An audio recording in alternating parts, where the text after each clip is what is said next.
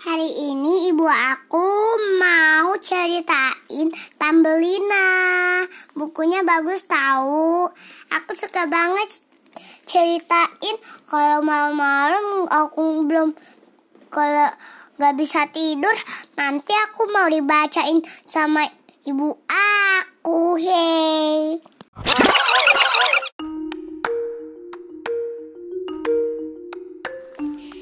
Ya, malam ini kita bacain dongeng Tambelina dari buku uh, terbitan BIP kelompok Gramedia. Soalnya aku suka hmm, bukunya. Kira-kira petualangan apa ya yang menanti Tambelina, gadis yang tumbuh tubuhnya seukuran ibu jari? Kecil banget tahu. Kita mulai. Pada zaman dahulu hidup seorang wanita yang ingin sekali memiliki anak. Karena tidak tahu harus berbuat apa lagi, akhirnya dia menemui seorang penyihir tua. Tolonglah aku untuk mendapatkan seorang bayi yang cantik. Itu mudah sekali. Bawa dan tanamlah biji gandum ini. Penyihir tua itu memberinya sebutir biji kecil. Terima kasih. Wanita itu segera berlari pulang, pulang dengan sangat hati-hati dia menanam biji tersebut ke dalam sebuah pot. Tak lama kemudian biji itu bertunas dan sebuah kuncup bunga yang besar mulai tumbuh. Indah sekali, katanya sambil mengucup mengecup kuncup bunga itu. Perlahan-lahan mahkota bunga itu terbuka satu persatu.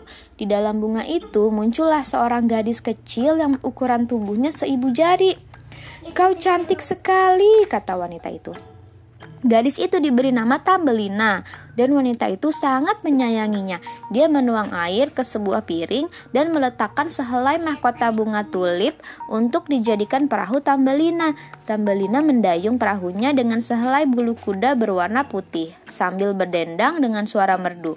Di malam hari dia tidur di ranjang yang terbuat dari kulit kenari dan menyelimuti dirinya dengan sehelai mahkota bunga mawar. Pada suatu malam, seekor kodok besar dengan rupa mengerikan masuk ke kamar Tambelina melalui jendela yang rusak. Kodok itu melompat ke atas meja dan melihat gadis itu sedang tertidur lelap. Gadis cantik ini cantik sekali. Krok krok.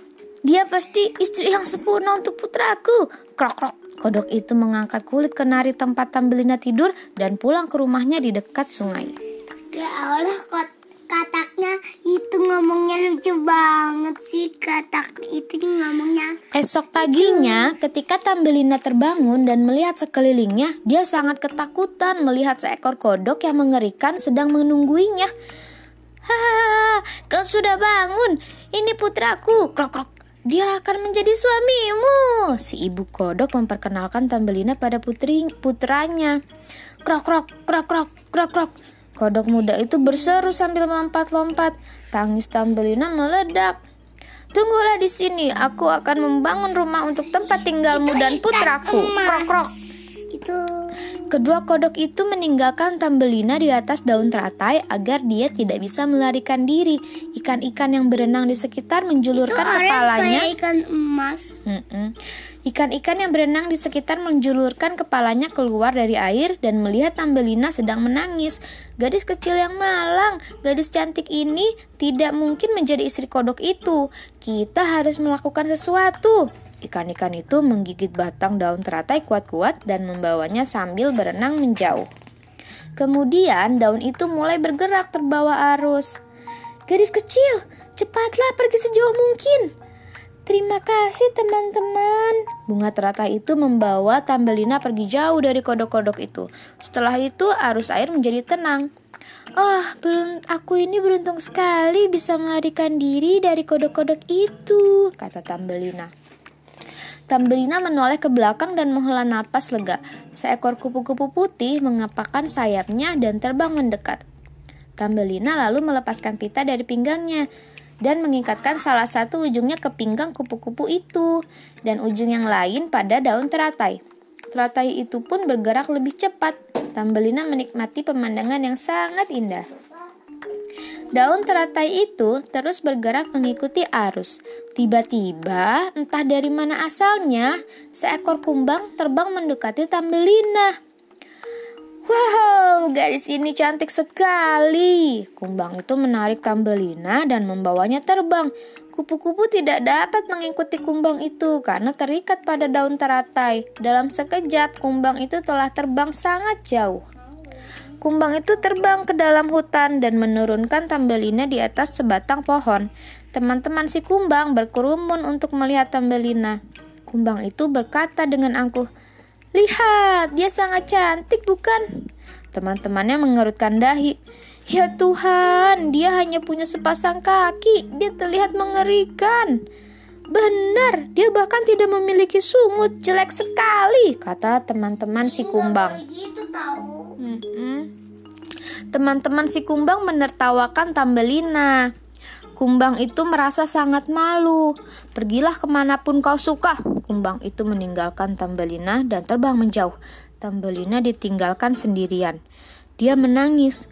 Wajahku pasti sangat buruk, sehingga kumbang pun tidak ma tidak menyukaiku. Padahal sebenarnya Tambelina sangat cantik dan manis. Tambelina tinggal sendirian di dalam hutan. Dia membuat tempat tidur dari rumput dan berteduh dari hujan di bawah daun semanggi besar. Ketika musim gugur tiba, daun-daun semanggi yang besar mulai layu dan burung-burung yang berkicau merdu mulai meninggalkan tempat itu. Tambelina mengembara di dalam hutan. Dia merasa kedinginan dan kelaparan. Dia terus berjalan dengan hanya berselimutkan daun kering. Dia sama sekali tidak terlindung dari angin yang dingin. Kasihan ya Hur.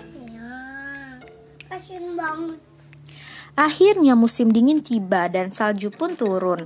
Bagi Tambelina, sebongkah salju kecil terlihat sebesar gunung. Tambelina menggigil kedinginan. Dia sampai di sebuah ladang jagung di dekat hutan. Saat berjalan berkeliling di ladang jagung itu, Tambelina menemukan terowongan kecil. Tambelina mengetuk pintu, seekor tikus ladang menyambutnya. "Oh, gadis yang malang, masuklah dan hangatkan dirimu."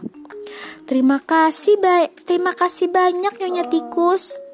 Tikus ladang yang baik hati itu memberikan makan pada Tambelina. Berkat kebaikan tikus itu, kekuatan Tambelina kembali pulih. Kalau kau mau, kau bisa tinggal di rumahku hingga musim semi tiba. Tambelina memutuskan untuk tinggal di rumah tikus itu. Suatu hari tetangga mereka, seekor tikus mondok yang kaya raya datang berkunjung. Tambelina, nyanyikan sebuah lagu untuknya. Tikus mondok itu mendengarkan nyanyian Tambelina yang indah dan jatuh cinta pada Tambelina. Gadis muda yang menyenangkan. Aku ingin mengajak yang berjalan-jalan. Tikus mondok mengajak Tambelina dan tikus ladang ke terowongan. Di sana mereka melihat seekor burung walet tergeletak di atas tanah. Bangunlah walet. Tambelina mendekati burung walet itu. Si tikus mondok menghalanginya. Tidak ada gunanya. Burung itu sudah mati karena kelaparan. Malam itu Tambelina diam-diam mengambil selimut dan menyelimuti burung walet. Pergilah ke surga, Walet. Burung itu langsung terbangun. Ternyata dia hanya pingsan karena kedinginan. Tambelina merawatnya sepanjang musim dingin. Musim semi tiba, matahari tersenyum menghangatkan seluruh bumi. Burung walet itu telah pulih sepenuhnya. Dia terbang tinggi ke langit. Tambelina, maukah kau ikut bersamaku ke daerah selatan yang hangat? Ajak burung walet. Aku tidak bisa begitu saja meninggalkan tikus ladang, kata Tambelina. Sambil menahan nangis, Tambelina mengucapkan salam perpisahan pada Walet. Suatu hari si tikus ladang memanggil Tambelina dan berkata, Tikus mondok ingin menikahimu. Kau harus segera menyambut eh membuat gaun pengantin Tambelina. Sebenarnya Tambelina tidak suka pada tikus mondok karena tikus mondok hanya tinggal di dalam tanah yang gelap. Tapi dia tidak bisa menolak saat melihat tikus ladang sangat gembira mengenai rencana itu. Dengan terpaksa, Tambelina membuat gaun. Dia memintal dan laba-laba yang membawa tikus yang dibawa tikus ladang membantunya menenun. Hari pernikahan segera tiba. Kata tikus ladang sambil tersenyum. Tambelina menitikkan air mata yang selama ini dia tahan-tahan. Ia memohon, Nyonya tikus, aku tidak ingin menikah dengan tikus mondok dan seumur hidup tinggal di dalam tanah yang gelap. Hah? Apa maksudmu? Ini tidak masuk akal. Kau seharusnya bahagia bisa menikah dengan tikus yang sangat kaya itu. Tikus ladang menjadi geram memarahi Tambelina. Akhirnya hari pernikahan tiba. Tak lama lagi Tambelina harus tinggal di bawah tanah sepanjang hidupnya. Tikus ladang mengizinkan Tambelina menikmati sinar matahari untuk terakhir kalinya. Tambelina mengucapkan salam perpisahan pada semua burung dan bunga. Selamat tinggal teman-teman. Tiba-tiba Tambelina mendengar suara cuit cuit cuit cuit. Ternyata seekor burung walet terbang ke arahnya. Oh, walet, serunya. Tambelina memberitahu kalau dia dipaksa menikah dengan tikus mondok. Tambelina, kali ini aku yang akan menolongmu. Ikutlah denganku, kata walet. Iya, aku mau pergi bersamamu, kata Tambelina sambil mengangguk. Dia duduk di punggung walet, kemudian mereka terbang tinggi. Setelah menempuh perjalanan panjang, mereka tiba di, mereka tiba di daerah selatan. Burung walet itu menurunkan Tambelina di atas setangkai bunga yang paling indah. Seorang pangeran tampan muncul dari dalam dalam bunga dan menyambut Tambelina. Ini adalah negeri para peri bunga. Sang pangeran melepaskan mahkotanya dan mengenakan ke atas kepala Tambelina. Putri yang cantik, menikah denganku dan jadilah ratu bunga, kata pangeran bunga. Tambelina dengan bahagia menerima lamaran pangeran bunga.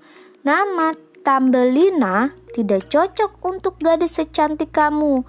Mulai sekarang aku akan memanggilmu Maya, kata pangeran.